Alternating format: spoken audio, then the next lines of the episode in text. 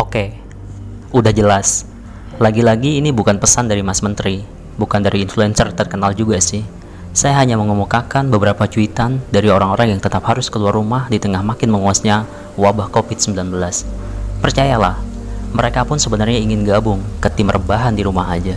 Saya cuma bisa mendoakan, semoga Allah berikan kesehatan untuk para pahlawan keluarga yang tetap bekerja. Semoga pemerintah, pemegang kebijakan, lembaga terkait, dan masyarakat Indonesia bisa saling kuat menguatkan. Ini jawabannya saat mereka berkali-kali dapat pertanyaan. Kenapa kami tetap keluar rumah? Kenapa kami tetap keluar rumah? Saya harus memberikan makan untuk istri dan dua anak saya. Kalau saya di rumah, kamu mau biayai makan kami? Itu jawaban si bapak penjual kerupuk keliling.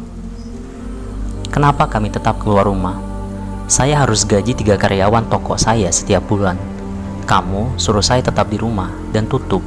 Kalau mereka tidak gajian dalam sebulan, mereka dapat uang dari mana untuk makan?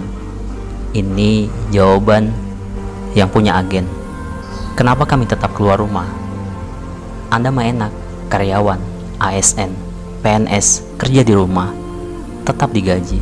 Lah kami pedagang, sehari tidak kerja, mau makan apa? Jawaban si bapak-bapak tua, penjual kopi keliling. Kenapa kami tetap keluar rumah? Jika saya tetap di rumah, maukah Anda mengganti uang yang saya dapatkan dari antar sana sini walaupun kepanasan dan kehujanan? Ini jawaban si bapak-bapak ojek pangkalan. Kenapa kami tetap keluar rumah? Kalau saya sakit, seperti gejala corona, tugas Anda jauhi saya. Tetaplah di rumah. Anak istri saya sudah dua hari tidak makan nasi hanya makan nasi basi dari tetangga. Ini jawaban para pemulung di tempat pembuangan sampah. Kenapa kami tetap keluar rumah? Kalau saya sakit, masih ada harapan dokter mengobati saya. Itu tugas mereka.